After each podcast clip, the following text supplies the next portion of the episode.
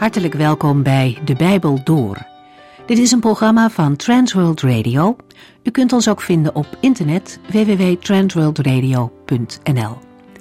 De Bijbel Door is een radioserie die in vijf jaar tijd door de hele Bijbel gaat. Van Genesis tot Openbaring, van kaft tot kaft.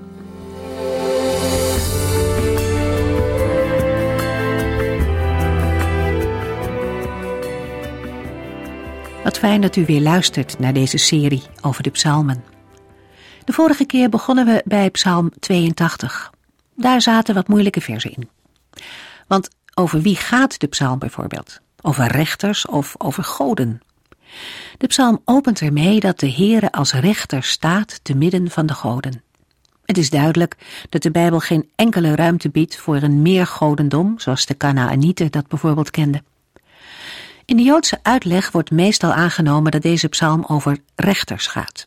Ook uit Johannes 10 blijkt dat mensen met goden aangesproken kunnen worden.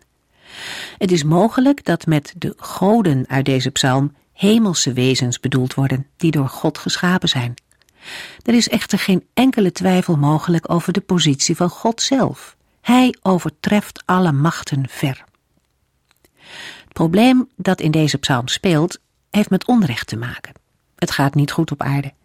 En de dieperliggende oorzaak daarvan moet gezocht worden in de onrechtvaardige rechtspraak. Corruptie en misbruik van arme mensen heeft grotere gevolgen dan mensen op het eerste gezicht wellicht denken. Onrecht brengt nooit zegen voort. Deze psalm kijkt uit naar het recht dat God zelf uiteindelijk zal spreken en zal uitvoeren. Maar al ligt die hoop in het verre verschiet dat ontneemt niemand de verantwoordelijkheid om daar nu al een begin mee te maken. Recht doen aan armen en wezen is nauw verwant aan het dienen van God. Psalm 83 is opnieuw een gebed om redding, waarin de dichter ook vraagt om een oordeel over de vijand. En vervolgens lazen we vorige keer Psalm 84, een lied dat plotseling een heel andere sfeer ademt. Voorop staat het intense verlangen naar omgang met de Here en het verblijf in zijn tempel. Eén dag bij de Heere is beter dan duizend andere, zegt de schrijver. En in onderscheid tot de eerdere psalmen die spraken over moeite en strijd, gaat van deze psalm een grote rust uit. Wij zijn toe aan psalm 85.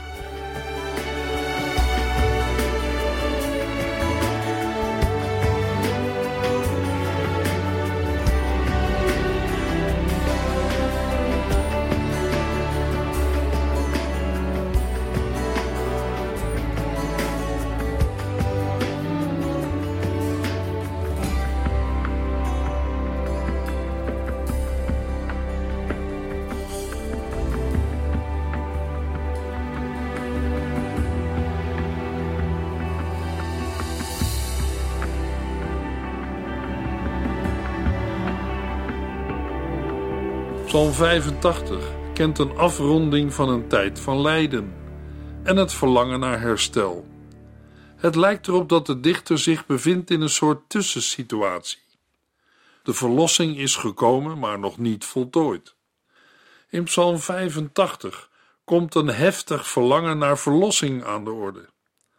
Psalm 85 kan op inhoudelijke gronden in drie delen worden ingedeeld.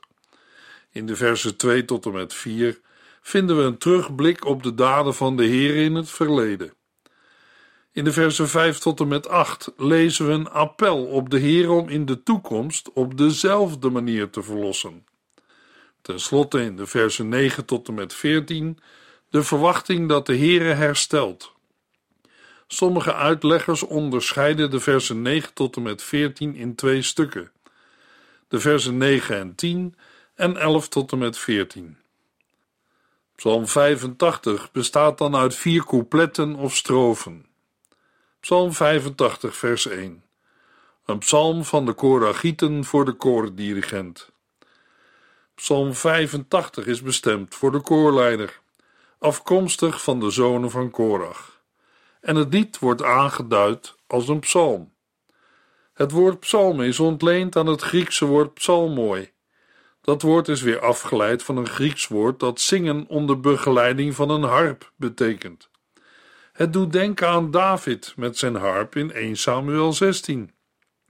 Een psalm is dan ook een lied dat onder begeleiding van een muziekinstrument wordt gezongen.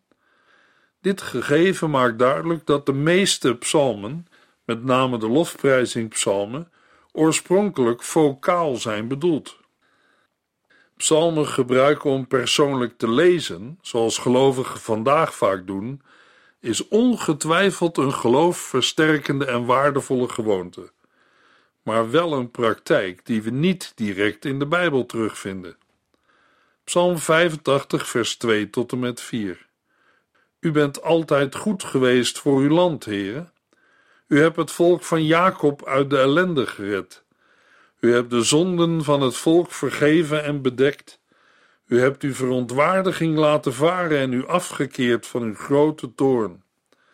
In de versen 2 tot en met 4 kijkt de dichter terug op de terugkeer uit de Babylonische ballingschap en duidt aan welke rol de Heere hierin heeft gehad. Het herstel is in der tijd begonnen toen de Heere weer liefde kreeg voor zijn land. Liefde van God als basis voor de verkiezing komen we ook in Psalm 44 en Deuteronomium 7 tegen. De Heere vatte weer liefde op voor het land Israël, nadat het een tijd lang verlaten geweest was en de tempel was verwoest. De Heere bracht een keer in het lot van Jacob. Uit de versen 2 tot en met 4 blijkt dat de Heere alles heeft gedaan. Het roepen of bidden van de Israëlieten blijft buiten beschouwing. Alle nadruk ligt op de genade van God. Psalm 85, vers 5 tot en met 8. Bevrijd ons nu weer, o God. U bent onze verlosser. Laat uw weerzin tegen ons varen. Blijft u altijd tegen ons? Geldt uw toorn ook voor alle komende geslachten?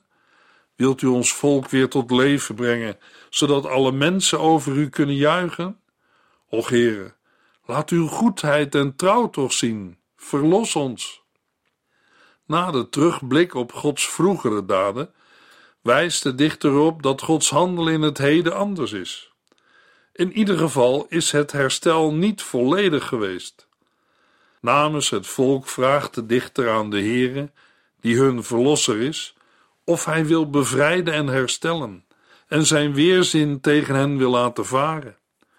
Als de Heere hem weer tot leven wil brengen, zal zijn volk weer over hem juichen.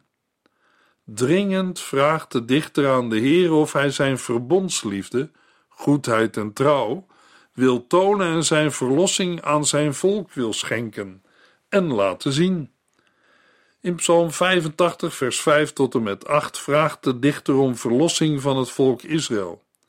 Hij vraagt of de Heere de verbondsrelatie verder wil uitwerken. Psalm 85, vers 9 en 10. Ik wil luisteren naar wat de Heere God zegt. Hij spreekt over vrede tot de Israëlieten en tot allen die bij hen horen. Maar zijn oordeel wacht hun als zij zich weer van hem afkeren. Het is werkelijk waar dat hij mensen bevrijdt die ontzag voor hem hebben. Waar zij wonen, heerst vrede en geluk. De dichter spreekt de intentie uit te luisteren naar wat de Heere zal zeggen. In vers 9 wordt de Heere aangeduid als de God van het verbond, Yahweh. De dichter van Psalm 85 zegt dit vanuit de overtuiging dat de Heere over vrede zal spreken tot zijn volk en allen die bij hen horen. Hij weet dat de Heere zijn volk in gunstige zin zal antwoorden. Het woordje maar in vers 9 geeft aan dat er wel een voorwaarde aan verbonden is. De Heere schenkt vrede aan hen die trouw zijn aan hem en aan zijn verbond. God zegent niet zonder voorbehoud het hele volk. Zij die zich van hem afkeren, wacht zijn oordeel. Gods redding is nabij voor hen die hem vrezen, zodat er weer vrede en geluk zal heersen in het land. Het houdt in dat Israël voorspoed zal ervaren. Psalm 85, vers 11 tot en met 14. Daar komt men goedheid, liefde en trouw tegen. Er heerst vrede omdat er rechtvaardig wordt geregeerd. Uit de aarde komt trouw voort en vanuit de hemel komt de rechtvaardigheid. De Heere geeft altijd het goede en op onze akkers groeien de gewassen overvloedig. De rechtvaardigheid gaat voor God uit, die bepaalt zijn weg. In de volgende twee versen geeft de dichter de gewenste toestand aan door personificatie van eigenschappen. Het zal niet meer gebeuren dat de rechtsorde en de rust door vijanden wordt bedreigd, omdat er altijd vrede is. De gerechtigheid die neerziet uit de hemel betekent dat zij alles overziet en ervoor zorgt dat de orde op aarde wordt gehandhaafd. In de omschrijving van deze ideale toestand geeft de dichter aan dat de Heer het goede zal geven en dat het land zijn opbrengst zal schenken. In het slotvers blijkt dat rechtvaardigheid het meest fundamentele kenmerk van de heilstijd is. Zij zal voor God uitgaan en de weg voor hem banen. Op deze wijze wordt vervuld wat eerder in de versen 5 tot en met 8 is gebeden. Daar is aan de Heere gevraagd of hij reddend tot zijn volk wil komen. In vers 14 wordt aangegeven dat de Heere dit zal doen en zijn rechtvaardigheid zal geven. Psalm 85 ziet uit naar Gods toekomst en daarin zijn overeenkomsten met het Bijbelboek Jesaja. Er is ook een parallel met de boodschap van het Nieuwe Testament. Een christen beleidt dat de Heer Jezus na zijn lijden de dood heeft overwonnen, is opgestaan en zit aan de rechterhand van de Vader. Toch worden we nog steeds geconfronteerd met de werkelijkheid van zonde, lijden en dood. Pas bij de wederkomst van Christus worden die vernietigd. Voor een gelovig is het vaak lastig om met deze gebrokenheid om te gaan. De spiegel die Psalm 85 gelovigen voorhoudt, is om vanuit de bestaande nood de Heere te blijven aanroepen. Hierbij zijn Gods daden in het verleden een aanleiding hem te vragen nu en in de toekomst op eenzelfde wijze te handelen. We gaan verder met Psalm 86. Psalm 86 is een persoonlijk gebed van David. De inhoud wordt gekenmerkt door afwisseling van smeekgebeden en beschrijvingen van gevaren. Het lied begint met een openingsgebed, de versen 1 tot en met 7. David vraagt om aandacht van de Heere en om zijn redding. In de versen 8 tot en met 10 verklaart David op welke manier de volken van de wereld de Heere zullen eren om wat hij heeft gedaan. In de versen 11 tot en met 13 doet David de toezegging dat hij de Heere na de uitredding zal loven. In het slotgedeelte, de versen 14 tot en met 17, roept David om hulp vanwege de hachelijke situatie waarin hij zich bevindt. Door de plaats van het gebed aan het einde van de psalm wordt de nadruk gelegd op de noodsituatie van de dichter. Een bijzonderheid van Psalm 86 is dat vrijwel ieder vers verbonden kan worden met een andere psalm. Voor verschillende Bijbeluitleggers zijn deze overeenkomsten aanleiding geweest om aan te nemen dat het lied van late datum is. Maar deze aanname is niet hard te maken. Wat de tijd van ontstaan betreft, zouden we kunnen denken aan de momenten dat David bedreigd werd door koning Saul en zijn mannen. Mogelijk dat David op een later en rustiger tijdstip de toen geuite gebeden heeft opgeschreven. Psalm 86 is de enige psalm uit de derde bundel van het Bijbelboek Psalmen waarin de naam van David in het opschrift wordt genoemd. In de eerste zeven versen vinden we een bede om verlossing. David roept de Heer aan. Hij smeekt om verlossing en voegt aan zijn gebed toe dat hij diep ontzag heeft voor de Heer. Ook vraagt David de Heer om hem genadig te zijn. Hij wijst op zijn eigen toewijding. Maar in vers 5 wijst hij op een reden in God zelf. De Heer is goed en vergevingsgezind. Ook is hij groot in liefde voor allen die hem aanroepen. In vers 7 komt naar voren dat de Heer altijd antwoord geeft. In de versen 8 tot en met 10 lezen we een vergelijking tussen de Heere en de andere goden. Geen van de afgoden kan zich met u meten, Heere, en eenmaal zullen alle volken voor u knielen. Deze verzen doen denken aan een uitroep in het lied dat Mozes zong na het wonder van de doortocht door de Schelfzee. Al Gods werken zijn onvergelijkbaar. In de toekomst zal iedereen zich onderwerpen aan de heerschappij van de Heere, Yahweh, de God van Israël. Deze belijdenis vindt zijn weerslag in de profetieën over de knecht des Heren, die een licht voor de volken zal zijn en redding zal brengen tot aan de uitersten van de aarde. Ter onderbouwing van dit vooruitzicht verklaart David dat God groot is en wonderen verricht. Psalm 86, vers 11 tot en met 13. Heere, leer mij hoe ik uw wil kan doen, zodat ik oprecht zal leven. Geef dat ik niet innerlijk verdeeld zal zijn, maar alleen u zal dienen. Heere mijn God, ik wil u met mijn hele hart prijzen en altijd alleen uw naam de eer geven. U bewijst mij zoveel goedheid en liefde. U hebt mij gered van de godverlatenheid. Dit gebed is te verklaren tegen de achtergrond dat er valse zekerheden bestaan die een gelovige afleiden van een krachtige en exclusieve toewijding aan de Here. Hierbij gaat het om een innerlijk werk van de Heilige Geest, om volledig gericht te zijn op de uitvoering van de wil van God. David had dat nodig, maar wij ook. Hoeveel van ons leven wordt niet doorgebracht met nutteloze dingen? Ze bederven het getuigenis van gelovigen ten opzichte van hen die de Here niet kennen. Het kan zeker goed zijn om op bepaalde momenten eens aan jezelf te vragen: waar ben ik nu eigenlijk mee bezig? Is er iets dat lijkt op het najagen van lucht of wind? Juist een gelovige moet zich afvragen of hij of zij niet alleen maar mooi praat, maar er ook naar leeft. Het feit dat een mens niet in openlijke zonde leeft, wil nog niet zeggen dat hij of zij ook doet wat de Heere vraagt. Een christen kan ook lui zijn. Dan heb je overal tijd voor, maar niet voor persoonlijk Bijbellezen en bidden.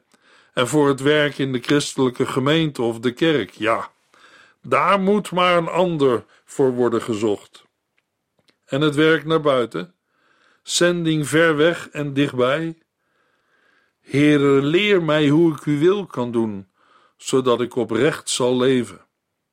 Het slotgedeelte, vers 14 tot en met 17, begint met een beschrijving van de ellendige situatie waarin David zich bevindt. Een groep misdadigers staan hem naar het leven. Daarna spreekt David uit wie de Heer is. Met de goddelijke eigenschappen die de Heere zelf aan Mozes doorgaf, omschrijft David zijn God. Sprekend vanuit de beschreven nood vraagt hij of de Heer hem een teken van goedheid wil geven. Psalm 86, vers 17. Laten mijn vijanden zien dat u mij helpt en redt. Dan zullen zij zich schamen omdat u, Heere, mij hebt geholpen en getroost. Psalm 86 wordt wel gerekend tot de Messiaanse psalmen. Ze handelen over de knecht van de Heere handelend over de koning die door de mensen wordt veracht en vernederd, maar door de Heer wordt verhoogd. We gaan verder met Psalm 87. Psalm 87 is een lied over Sion. De psalm onderscheidt zich van soortgelijke liederen door in profetische zin te spreken over de verhouding tussen Jeruzalem en de volken. Psalm 87 zet in met in de verzen 1 en 2 een beschrijving van Gods liefde voor Sion. In vers 3 wordt Sion toegesproken als de stad van God. In vers 4 zegt de Heere tot enkele volken dat zij door adoptie burgers van Jeruzalem zijn geworden. Op deze woorden van de Heere komen twee reacties. Eerst reageert de dichter in de versen 5 en 6 en daarna in vers 7 de volken die burgers van Sion zijn geworden. Over de datering van de tekst valt weinig met zekerheid te zeggen. Een aantal uitspraken in de psalm zijn voor ons moeilijk te begrijpen. Na het opschrift, dat we al eerder lazen, begint de psalm met de woorden: Jeruzalem ligt op de heilige bergen. De Heere houdt van haar poorten meer dan van alle andere steden in het land Israël.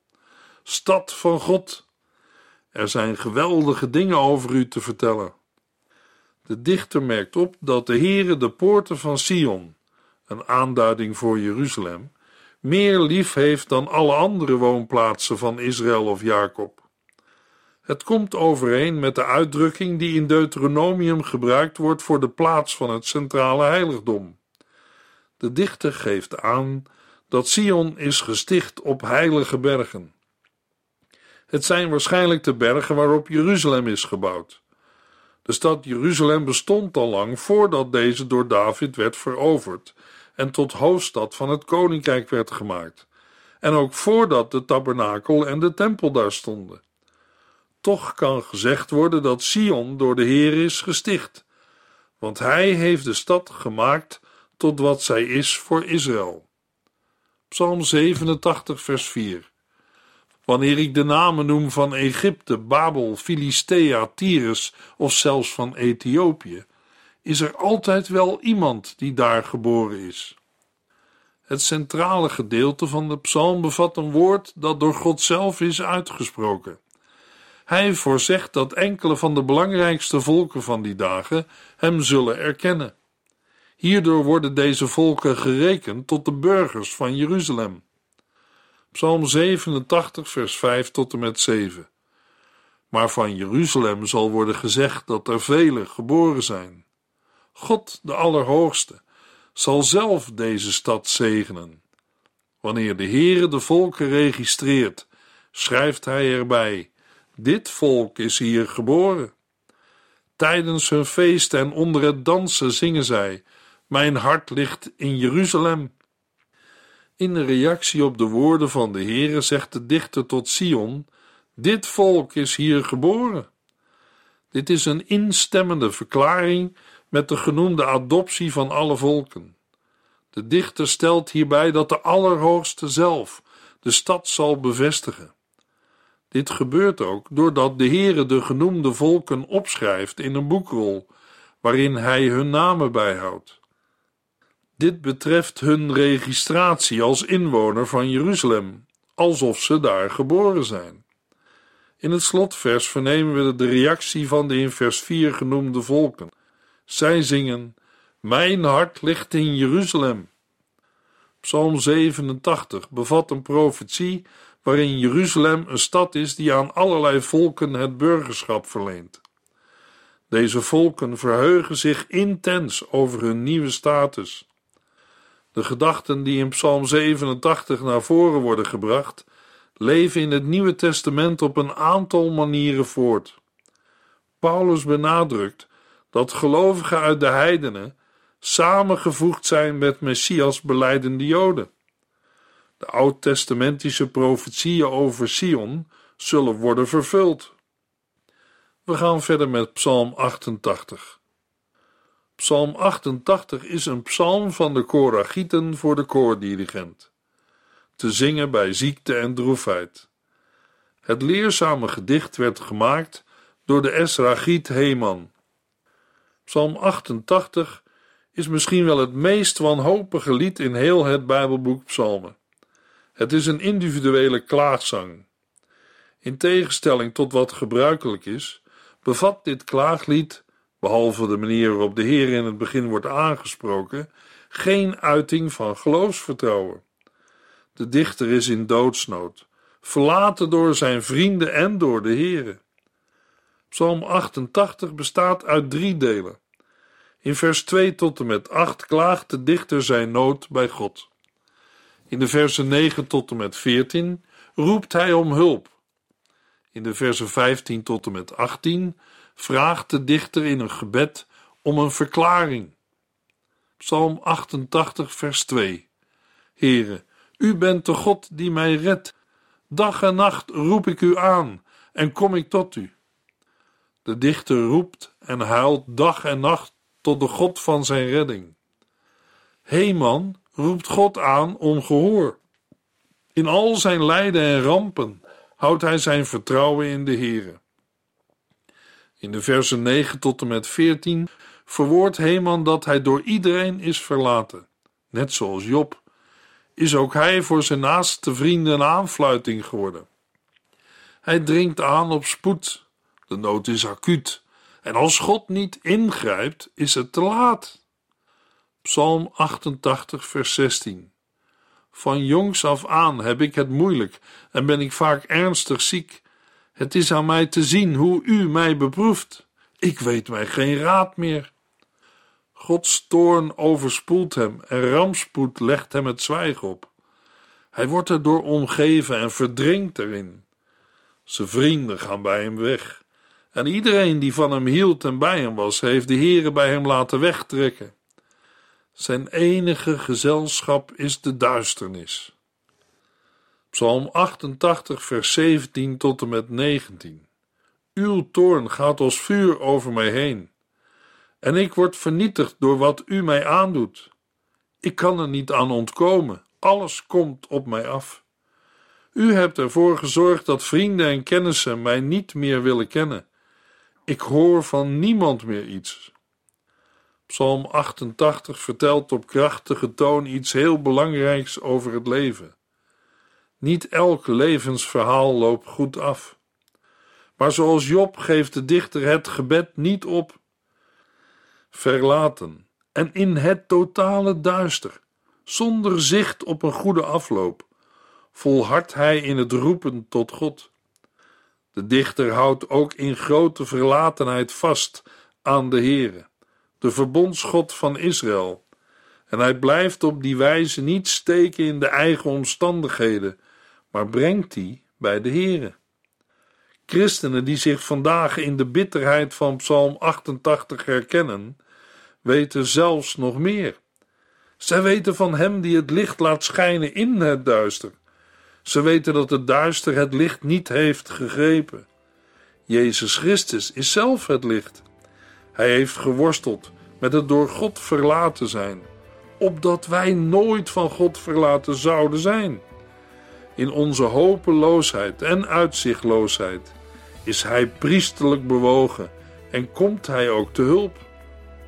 In de volgende uitzending lezen we Psalm 89 en 90.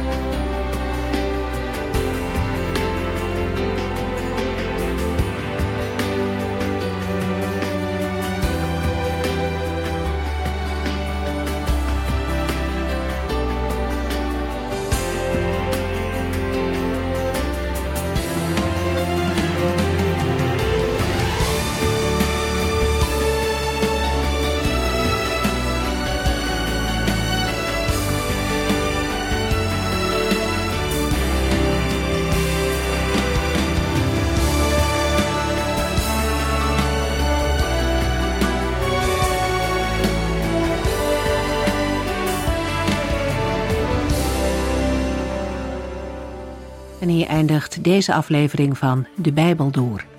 Een serie programma's van Transworld Radio. Wilt u ons iets vragen of meer weten? Dan kunt u altijd contact met ons opnemen.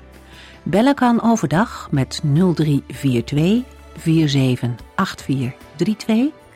Per post Transworld Radio. Postbus 371. Postcode 3770. Anton Johannes in Barneveld. En e-mailen kan ook. De Bijbel door at transworldradio.nl En natuurlijk ook via onze website transworldradio.nl Dit programma werd gepresenteerd door Cor Weda en Ike André. En namens iedereen die er nog meer aan meegewerkt heeft, graag tot de volgende keer.